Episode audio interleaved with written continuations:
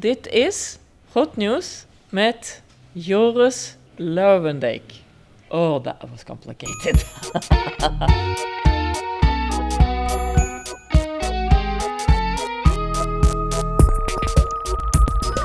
Met ons vandaag is Tamar Stelling, correspondent niet-mens of niet-mensen. En dan hebben we het over dieren, planten, embryo's. Tamar, welkom. Hoi. Uh, geef ons eventjes uh, een goed fun fact. Bijvoorbeeld de hongerstaking van de Giant Isopod nummer 1. oh ja, dat is een, uh, een reuzenpissebed. Die leefde in een Japans aquarium. En um, dat was een onwijze attractie geworden, want hij was al vier, vijf jaar in hongerstaking. En niemand snapte waarom. En elke dag kwam er dan weer zo'n verzorger langs met een stukje zalm. En dan waren allemaal mensen benieuwd van, zou die vandaag gaan eten? Nee, toch weer niet. Er is een filmpje van, het is, het is echt een groot beest. Ja, een ja, stukje ja. zalm. Dat, Ja, ja, het is echt een hele grote... Want een pissebed is normaal zo'n beestje kleiner dan je, je, je pinknagel. Maar dit is echt een, daar kan gewoon een stukje zalm in. Ja, een isopod is gewoon een soort van mini-hondje. Qua een grootte. pissebed ter grootte van een mini-hondje die onder water levend. Ja, ja, klopt. Ja, en, en, en die dus blijkbaar gewoon vier, vijf jaar zonder eten kon. Uiteindelijk ging hij wel dood. Ja, en dat is ook echt gevolgd hè, in Japan. Ja, klopt. Ja, en, al die, en toch uh, anders dan bij hongerstaking door mensen die dat altijd doen om een punt te maken. Uh, zijn we er nooit achter gekomen wat de Giant Isopod nummer 1 precies dwars zat. Nee, er is wel gespeculeerd. Van, uh, hield hij misschien niet van zalm? Ze hebben allemaal verschillende soorten vis geprobeerd. Wou hij misschien een vriendje, een ander aquarium, ander water? Maar nee. Als je naar jouw werk kijkt, ik heb al alle stukken doorgelezen, Tamar, dat is echt letterlijk en figuurlijk oceanisch. Het is de, de wereld van de dieren, de planten, de embryo's. Het is gigantisch. En soms had ik het gevoel dat ik in Tolkien zat. Oké, okay, waarom? Je, nou, dus bij Tolkien heb je dan vaak van die soort monsters waar ze tegen moeten vechten. En die hebben dan allemaal eigenschappen. En die zijn op een hele creatieve manier combineren die het onbekende en het, en het bekende. Ik denk, tjee, wat, wat uh, echt heel veel van die fantasyboeken hebben dat. Alleen wat jij beschrijft is gewoon uh, de natuur. Is niet bedacht door een, een of andere schrijver. En tegelijkertijd is het de Matrix. Uh, in de zin dat je dus het idee hebt, ik zie de wereld nooit meer op dezelfde manier na lezing van je stukken. Ja, ja dat heb ik zelf vaak ook als ik dan eenmaal over heb geschreven dan, uh, dan is er echt iets veranderd. Ja, kun je een voorbeeld geven? Um, nou ja, bijvoorbeeld het stuk over uh, Lin Margulis, die bacteriën. Uh, toen ik erachter kwam dat... Valt eerst even samen wat daarin staat? Het idee van het stuk was een beetje... We denken altijd dat de natuurlijke wereld ontstaan is na miljarden jaren aan strijd. Hè, survival of the fittest. Dus het beest wat dan het sterkste was, sterker dan de omgeving, dat won dan. En Lin Margulis is heel erg van het idee dat nieuwe beesten, nieuwe dingen ontstaan juist door samenwerking. Samenwerking van bacteriën. En um, als je bijvoorbeeld ook kijkt naar, naar uh, het menselijk lichaam. Uh, meer dan de helft van de cellen in jouw lichaam hebben niet jouw DNA. En bacteriën die vervullen allerlei functies in je mond en in je darmen, zonder welke je ook niet zou, zou bestaan. En de menselijke cellen zelf zijn ook al een samenwerking van bacteriën. Ja. Dus uh, inmiddels zijn het wel gewoon losse cellen, maar ze zijn ooit ontstaan als bacteriën bij elkaar in het membraan zijn gekropen en een eukaryotische cel werden. Ja. Daar is een geweldig filmpje van, daar, daar zullen we een link naar, naar geven. Dat vond ik inderdaad zo'n voorbeeld van iets waardoor, je, waardoor mijn zelfbeeld voor altijd anders is. Ik dacht, ik besta gewoon 100% uit mijn eigen DNA. En opeens ontdek ik dat ik helemaal niet had kunnen leven zonder al die andere levensvormen, als dat het juiste woord is, ja. die zich in mij hebben genesteld, maar die omgekeerd mij ook in leven houden. Ja, en ik, en ik dacht ook van, als je denkt aan bacteriën, dan denk je toch snel aan dingen die uh, dood moeten. Hè, en uh, uh, zeep, antibiotica. Uh, onze levensverwachting is opeens twee keer zo hoog, omdat we nu bacteriën goed kunnen bestrijden. Maar de, dan blijkt dat toch heel anders te zitten. Gewoon verreweg de meeste bacteriën houden je juist in stand. Je, je bestaat bij gratie van al die dingen. Het is toch een heel ander perspectief. Wat mij zo opviel met dat, dat matrixgevoel is dit, is de grens tussen mij en de rest van de wereld die minder absoluut is, want de rest van de wereld zit in mijn lijf. Anders zou dat lijf er niet meer zijn. Maar ook tussen leven en dood, mens, niet mens, persoon en ding. Um, bijvoorbeeld over leven en dood, de kwal. De onsterfelijke kwal. Ja, de, dat is de Turritopsis doorni. Dat is een, uh, een heel klein kwalletje. Nou ja, onsterfelijk. Dit is een beestje dat kan, en we weten niet waarom hij dat dan af en toe doet, maar dat kan gewoon besluiten van, uh, oké, okay, omstandigheden zijn niet optimaal. Weet je wat? Ik, uh, ik stuur al mijn cellen gewoon terug in de tijd. Ik, ik word weer jong. Eh, en, ik- en, ik- en ik ga in, in een soort babyfase even de omstandigheden afwachten. En dan laat ik mezelf daarna wel weer uitgroeien tot volwassene. Weet- Jij, jij vertelt nu een beetje op de toon waarop je zou kunnen zeggen van ja, ja toen fietste ik eens een keer langs de Aten. Nou, het ene fietspad langs het zwembad en niet langs. Maar wat jij gewoon zegt is iets wat haak staat op alles wat ik tot op dat moment dacht over veroudering. Ja, ja, het is best wel bizar. Ja. Ik kan, ja. ik kan gewoon actief verjongen. Ja, ik legde dit aan iemand voor en die zei van maar is dan ook dat je, je hersenen die veranderen toch ook? Dus dan word je ook weer kinderlijk. Ja, kwallen hebben geen hersenen. dus dat is misschien, dat is misschien een voordeel. Kwallen hebben geen hersenen. Nee, nee, nee. Ze hebben wel een aantal neuronen volgens mij, maar niet echt zo'n centraal besturingssysteem als wij. En dus die, die dus ja. Nou, dit had ik dus heel vaak. Oké, Eh, dus ik lees je werk en eh, daarna ben ik een soort spraakloos. Ja, ja. Omdat de categorieën waarin ik tot op dat moment naar de wereld heb gekeken en de bril, die zet, die zet, die zet je af en opeens is het zo'n bende. ja. De, je hebt zo'n interview met een Rus. Ja, Constantin. Constantin Culturin. Ja, je, je, je zei al eerder tegen mij van een van de leukste dingen aan dit werk is de soort mensen die ik daar ontmoet. Hmm, En het leuke is, ja, je neemt ook die interviews op. ja. Dus eh, wij kunnen dit stukje ook horen. Misschien moet je het even inleiden. ja, ik sprak met een Rus. Ehm, die had een hormoon ontdekt. Dat kon die strooien op kwalpolypen. En dan zouden ze overnight eh babykwalletjes maken. En ja, ik vond dat zo bizar. Dat is eh, alsof je, alsof je iets zou strooien over het hoofd van je vrouw. En ze, en ze is opeens zwanger, gewoon op commando. En, en ik had het dan zo over, over zijn andere werk. En toen bleek hij dus, voordat hij met kwallen werkte en dat hormoon, te werken met ehm eh, hydrapolypen. En die zijn, die zijn ook effectief onsterfelijk. En ik was, hij hij was heel erg blasé over die onsterfelijkheid. Dus ik vroeg van... So why is no one looking into why hydras are forever young? I mean, there must be... but it's more or less you know it's more or less known so Yeah. so you can try to overexpress these genes in the somatic tissues of a, of a mouse for Yeah. example Right. and probably mouse people they are kind of not they are not reading hydro papers So this is it. This is why we're not already immortal. It's because mouse people don't read Hydra papers. Het is vond ik zo bizar. Oké, dat is dus waarom dat onderzoek maar niet verder komt. Omdat ze jouw Hydra papers niet lezen. Vond ik heel grappig. Alsof we al lang al onsterfelijk hadden kunnen zijn als mensen gewoon elkaars papers zouden lezen. Er was ooit de, de tijd van Humboldt die nog alle beschikbare informatie kende. Goethe zou alles ken, kennis die er was over de wereld in zijn hoofd hebben zitten. Dat, die tijd is echt voorbij. Hè? Je hebt, jij spreekt mensen die heel specifiek een heel klein deel van de werkelijkheid helemaal eh, ja, aan de grens van de kennis zitten. Maar niemand kan meer het overzicht hebben. Nee, en ehm, ik probeer dan in stukken wel dat overzicht soms een beetje te geven. Het, het- beste voorbeeld, da- daarom denk ik altijd van, ik vind, ik vind dan zelf die, die desinteresse in die niet-menselijke. Soms, soms denken mensen van, zit je niet te veel op een heel klein vakgebied, hè? Eh, eh, de beestjes. Een beetje lullig, wie, wie doet dat nou, dat boeit niet. Ja, geef aan Tamar. Ja, zo van, oh, dan mag jij over de beestjes. En dan denk ik van, ja, maar gewoon eh, meer dan 99% van de wereld waarin je leeft, waarin de problemen zich voordoen die je moet oplossen, is niet menselijk. Het, heeft het heeft echt heel weinig zin om die gewoon volstrekt te negeren. En een van de beste voorbeelden daarvan vind ik eh, de, de kwalsredder. Dus, dus op een gegeven moment, eh, kwallen zijn aan het toenemen in de wateren, of mensen zijn aan het toenemen, maar in ieder geval mensen hebben steeds meer last van kwallen. En ehm, in, in Zuid-Korea leidde dat tot, eh, eigenlijk over de hele wereld, maar dan ook in Zuid-Korea, tot stranden waar je niet meer kon zijn, tot viskwekerijen die eh, eh, opeens konden opdoeken omdat er kwallen door de netten getentakeld waren. Ehm, en die Zuid-Koreanen dachten van, we zijn dit helemaal zat. Weet je wat, we bouwen een, eh, een kwalshredder. Dus een, een robot die actief kwallen tot pulp maait. En, en dit is dan typisch, dus dan zit er een hele geleerde robotbouwer. Die ziet dan, kwallen zijn een probleem. Oké, nou laten we die kwallen dan gewoon vernietigen. En ehm, eh, dat is echt zo'n typische non-oplossing voor dit probleem. Want ten eerste, wat gebeurt er als je kwallen shredt? Dan laten ze al hun sperma en eitjes los. En dan is er juist grootschalige bevruchting. En het volgende jaar heb je nog meer, nog meer kwallen. Want die vormen larven en dat zijn dan polypen. En die zetten zich vast op de bodem en die gaan kwalschijf schieten. Nou, dus ten eerste heb je het probleem alleen maar verergerd. Maar ten tweede, ehm, waarom zijn opeens al die kwallen er? Omdat we al hun natuurlijke vijanden uit het water vissen, omdat eh, de aarde opwarmt, omdat we allemaal hard substraat bouwen aan de kust waar juist polypen zich op af kunnen zetten. Dus het, weet je wel, het is zo'n veel, het is zo, de, de, het is zo'n eh, complex, zoveel groter probleem dan je zou denken.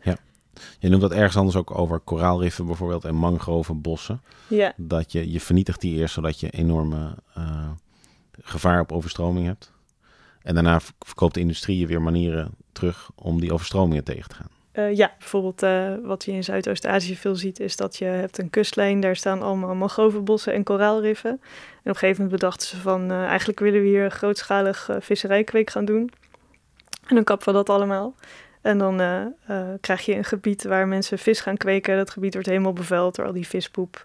En langzaam eh, spoelt de kustlijn weg, omdat je dus niet meer die mangrovenbossen hebt die dan ehm, het land vasthouden. En dus die gebieden verzieken helemaal je, je kustlijn is weg. En als er dan een tsunami is, dan, dan overstroomt de hele boel. En dan komen er weer bedrijven die zeggen... nee, weet je, weet je wat je moet doen? Je moet daar mangrovenbossen planten. Want die houden Ja. de boel vast. En dan ga- Ja, dat zie je steeds, ja. Dan, eh, Nu gebeurt toch in ons gesprek, eh, waar wat ik me eigenlijk had voorgenomen niet zou gaan gebeuren, dat we het meteen hebben over de mens. Hè. Mijn hele leven zie ik al van die fantastische natuurdocumentaires, waarbij dan op drie kwart komt er een viooltje en dan zegt maar de werkelijke vijand van de hageltijger is natuurlijk de mens. En dan een shot van een vuilnisbelt en zo. Eh, daar gaan we het straks verder. Maar wat ik het meest mooi vind, is die soort verwondering, die schatkamer Hm. waarin jij zo rondloopt. ja. Hoe lang ben je nu correspondent niet mens? Sinds eh, maart 2016. Maart 2016. Dat is, dat is zo'n 2,5 jaar. Ja. En als je nou terugkijkt, wat was nou het, het, het moment dat je echt dacht dat er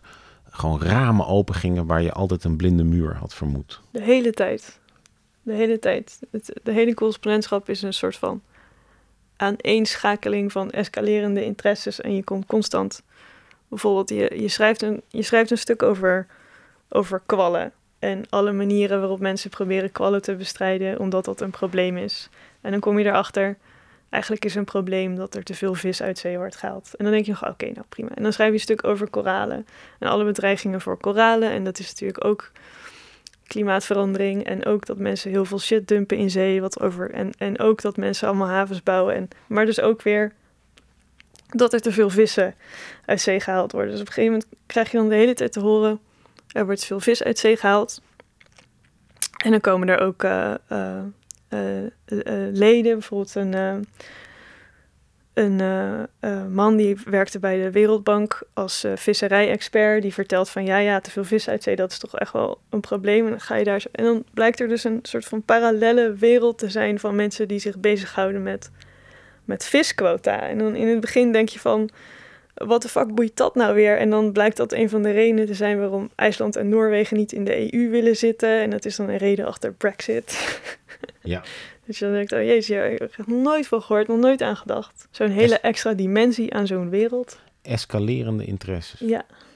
Ja. Wat ik van jou leer is dat eh, dus het leven op aarde Hmm. is planten, microben en insecten En schimmels. en ja. schimmels. ja, die, waren, die zijn al 500 miljoen jaar bezig met de aarde leefbaar krijgen en houden.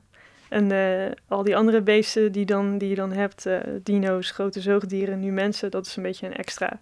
Ja. Maar als dat, als dat wegvalt, doet dat verder weinig aan de algehele leefbaarheid van zo'n planeet. Ja, en nu is dus die, dat extra, die Mhm. mens, is dus eh, op een onvoorstelbare manier datgene kapot aan het maken waarvan die mens zelf niet beseft dat hij het nodig heeft voor zijn eigen of haar eigen overleven. Ja, maar dat zou nooit zijn zoals ik het zou verwoorden.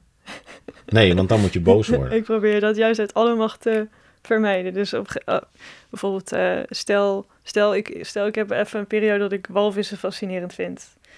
En dan leer je van alles over walviscultuur en eh, hoe ze dansen en hoe ze spelen met zalm en hoe ze eh, leren aan, aan hun kinderen hoe je, hoe je op inktvis jaagt en whatever.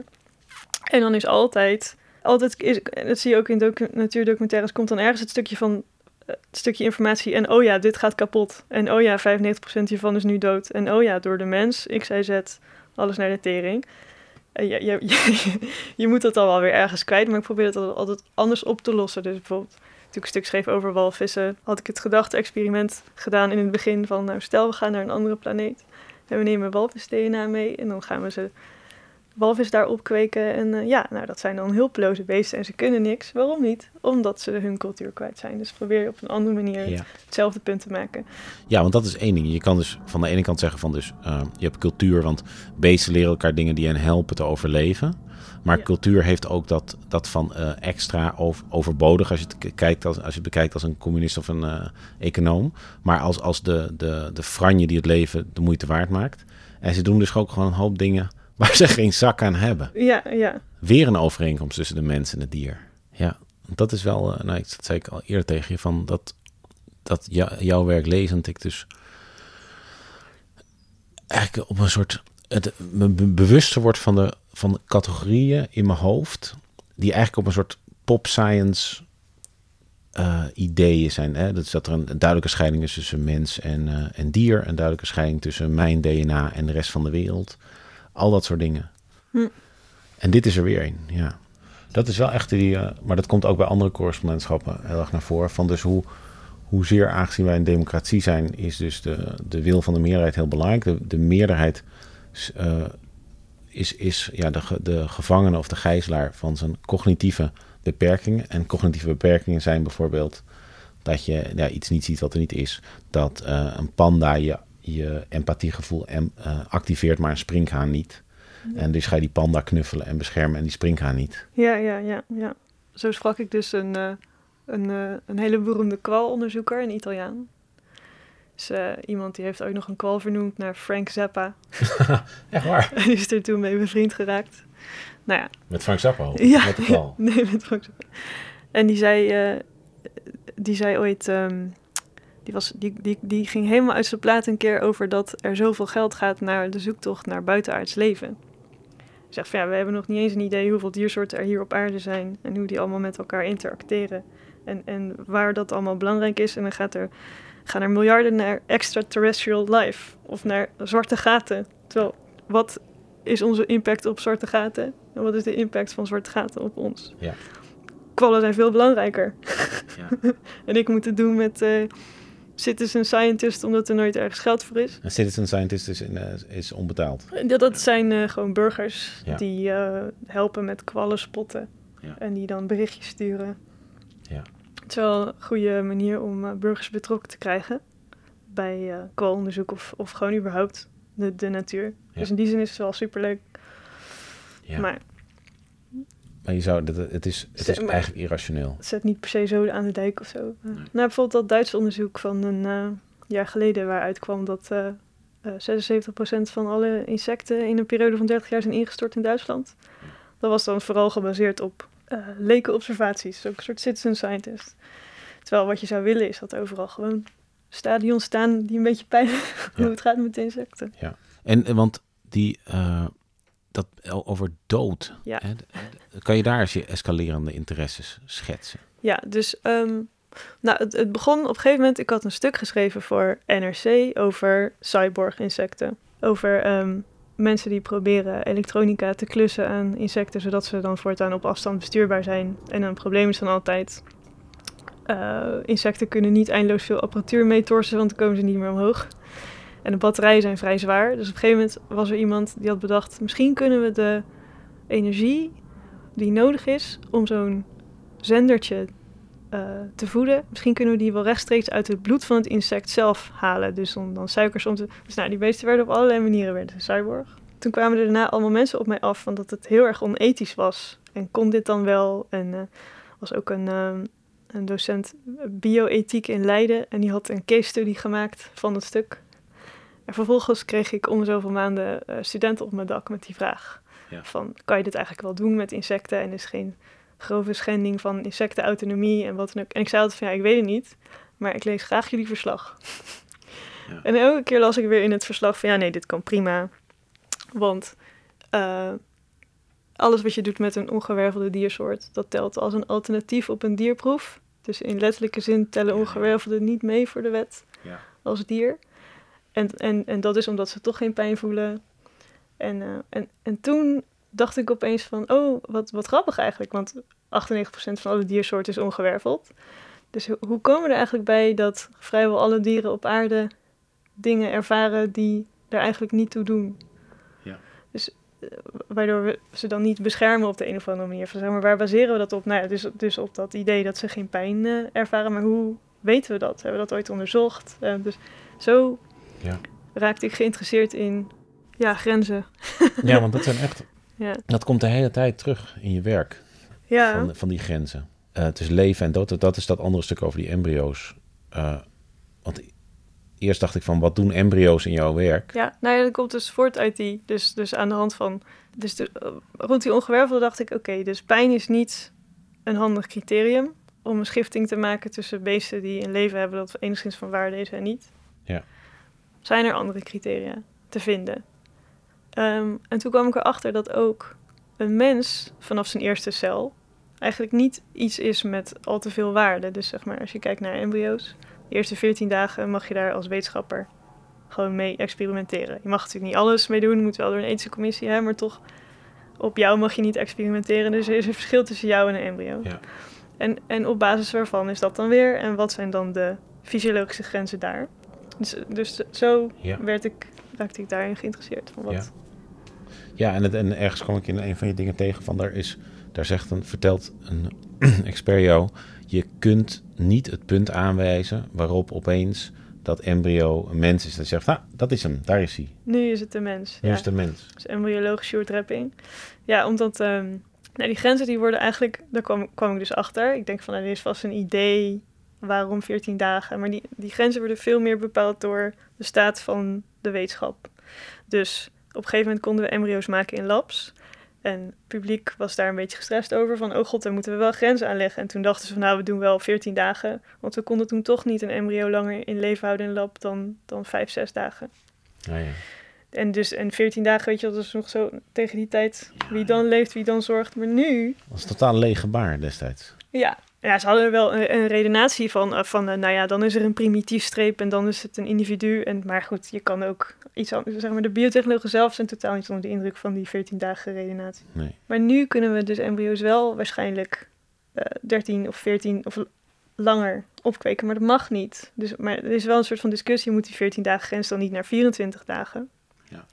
En dan, dan, komt, dan toen had ik dus de vraag van oké, op basis waarvan is het dan straks 24 dagen en dan zijn we daar voorbij en waar stopt dat dan? Ja. Dus daarom had ik toen ook met Sjoerd Rapping gesproken van is er een punt waarvan jij zegt van nou dan zou ik er niet meer op durven experimenteren, want dan is het te menselijk. Toen zei hij van ja nee. En niet dat hij er dan alles mee zou doen, maar hij kan er niet, niet iets aanwijzen. Ja. Dus dacht oh ja.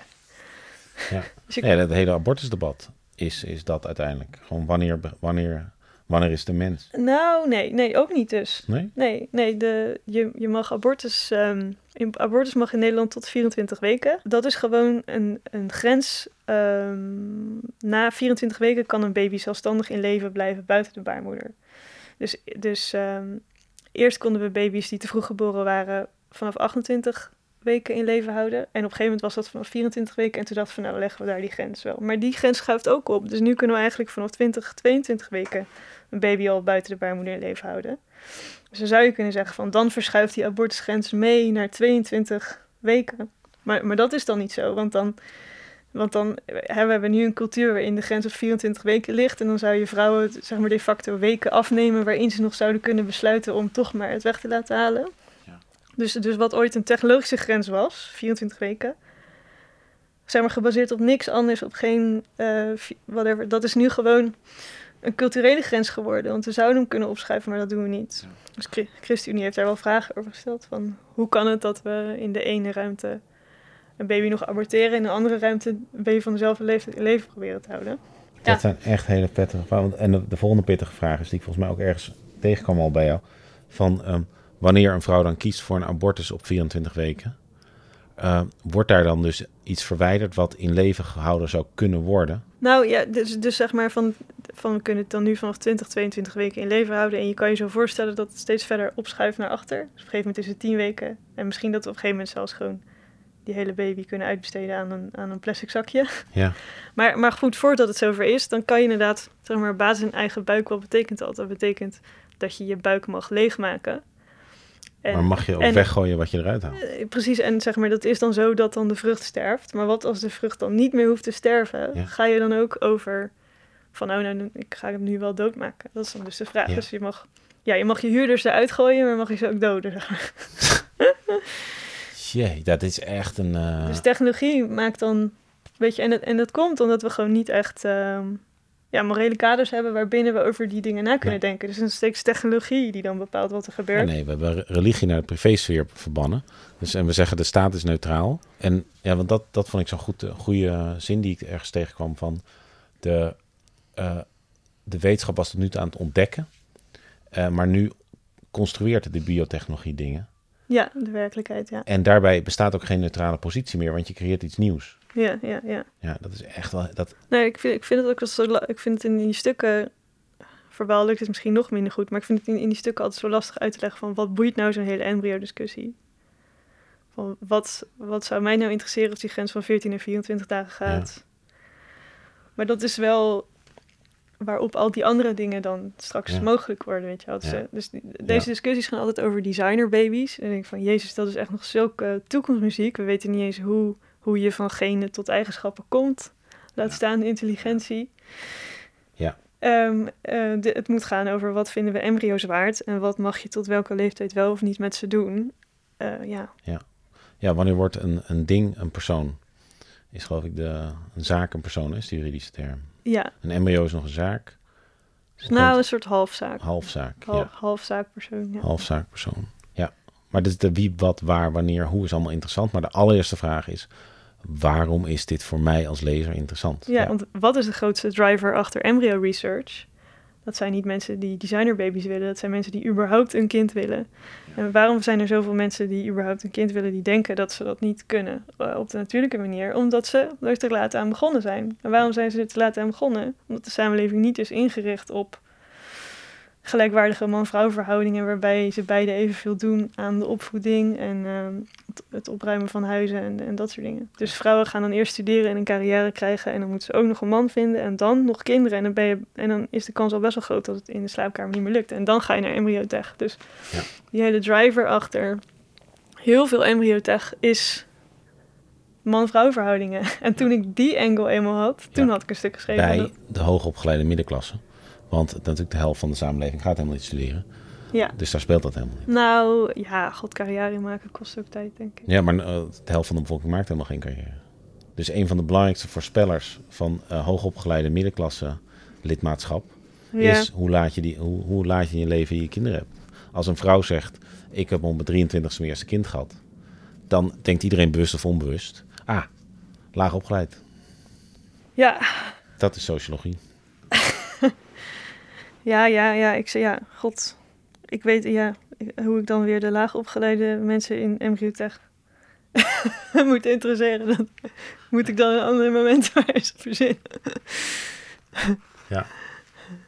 Ehm, de vraag hoe je eh, grote groepen mensen geïnteresseerd krijgt in wetenschap die hun belangen direct raakt, eh, is, is eh, een van de belangrijkste mensen in de wereld op dit moment die zich daarover uitspreekt en daarmee bezighoudt, is de Noorse hoogleraar eh, biologie en insectecoloog Anne Sverdrup Teigesson. En ik spreek het niet goed uit. En die eh, is in Nederland ook net. Joehoe, yes. Waarom wil je haar spreken? Omdat zij echt bewust haar best doet om mensen te interesseren voor de insectenplaneet. Dus dat ons leven van ze afhangt. Zij zei tegen mij van insecten redden eigenlijk elke dag een beetje je leven. Although they are tiny, uh, these insects, their achievements are not at all small. Because the insects are really indispensable in our ecosystems in many ways. They recycle nutrients, they serve as sort of a glue in nature, uh, gluing together lots of other species. And they inspire us and give us a lot of products that we need. So, first, the recycling thing, uh, which is what I really work with as a researcher. This is really much more important than you think of. Uh, this recycling, because think of all the animals that die and think of all the dung they produce while they are living. All this has to be recycled. Uh, if not, for one, it would be impossible to move around in our parks, in our cities, in our forests. But more important, the nutrients would be locked up in this dead organic matter. And the thing that the insects do together with fungi and, and bacteria is to turn this back into circulation, turn it into soil again. And there's one example illustrating the huge but hidden importance of decomposition, uh, and it comes from Australia, uh, where the first British colonizers brought cows. Um, and they multiplied, and around 1900 there was about a million cows or cattle um, in Australia. And cattle produce an enormous amount of dung. And then the dung beetles that was present in Australia was used to marsupials and to kangaroo dung, which is very different. And they didn't care about this exotic new sort of food that was produced for them. They just left it. They didn't do the job of decomposing. And what happened then was that these cow pats they just dried out and they made like a, a crust covering the earth so that nothing was able to grow. The grass was not able to grow through it because it was such a thick and hard crust. So actually at the, the height of the problem, a grazing area of a size similar to the Amsterdam metropolitan area was laid fallow every year, unusable for cattle, for grazing. And this was really, a, I mean, this was really a catastrophe for, for the entire cattle production there. And it wasn't until a large scale research project started in the 60s, 50s, and 60s that the scientists managed to introduce beetle species from other parts of the world uh, that could digest this sort of dung in this sort of climate, that the problem was, uh, was solved. And this example shows just how important uh, decomposition is for nature and, and us humans. We humans have taken these services of insects for granted for a long time. But mm, today, through intensive land use, climate change, use of insecticides, invasive species, we are now at the risk of altering the conditions so quickly that the insects will have a, a difficulty delivering as they have done to date, despite being adaptable. So, just on egoistic grounds, uh, we should be concerned about all these little creatures. Maar dat vind ik zo apart, van de, omdat dus de, de maatschappelijke impact van het gebrek aan kennis over datgene wat menselijk leven mogelijk maakt, zo beperkt is, wordt het menselijk leven echt bedreigd. Dus qua relevantie Ja. zit jij wel echt helemaal bovenin de evolutieketen. Ja. Er zijn weinig onderwerpen zo belangrijk als de insecten, microben en eh, wat waren die andere? Eh, planten die het leven Schimmels. mogelijk maken. Schimmels, ja, dat waren er vier. hè? Ja, ja, ja. Ja, ik kan er wel echt mee zitten of zo. Van, eh, hoe doe je het? Maar ook gewoon überhaupt met die vraag. Hoe krijg je mensen hierin geïnteresseerd? Ja. ja, je moet aanhaken bij, Ja. bij, wat mensen nog, bij, bij wat mensen al denken te willen weten. En ze dan eigenlijk verleiden naar een onderwerp waar, waar ze instinctief naar, niet naar ze zouden grijpen. Ja.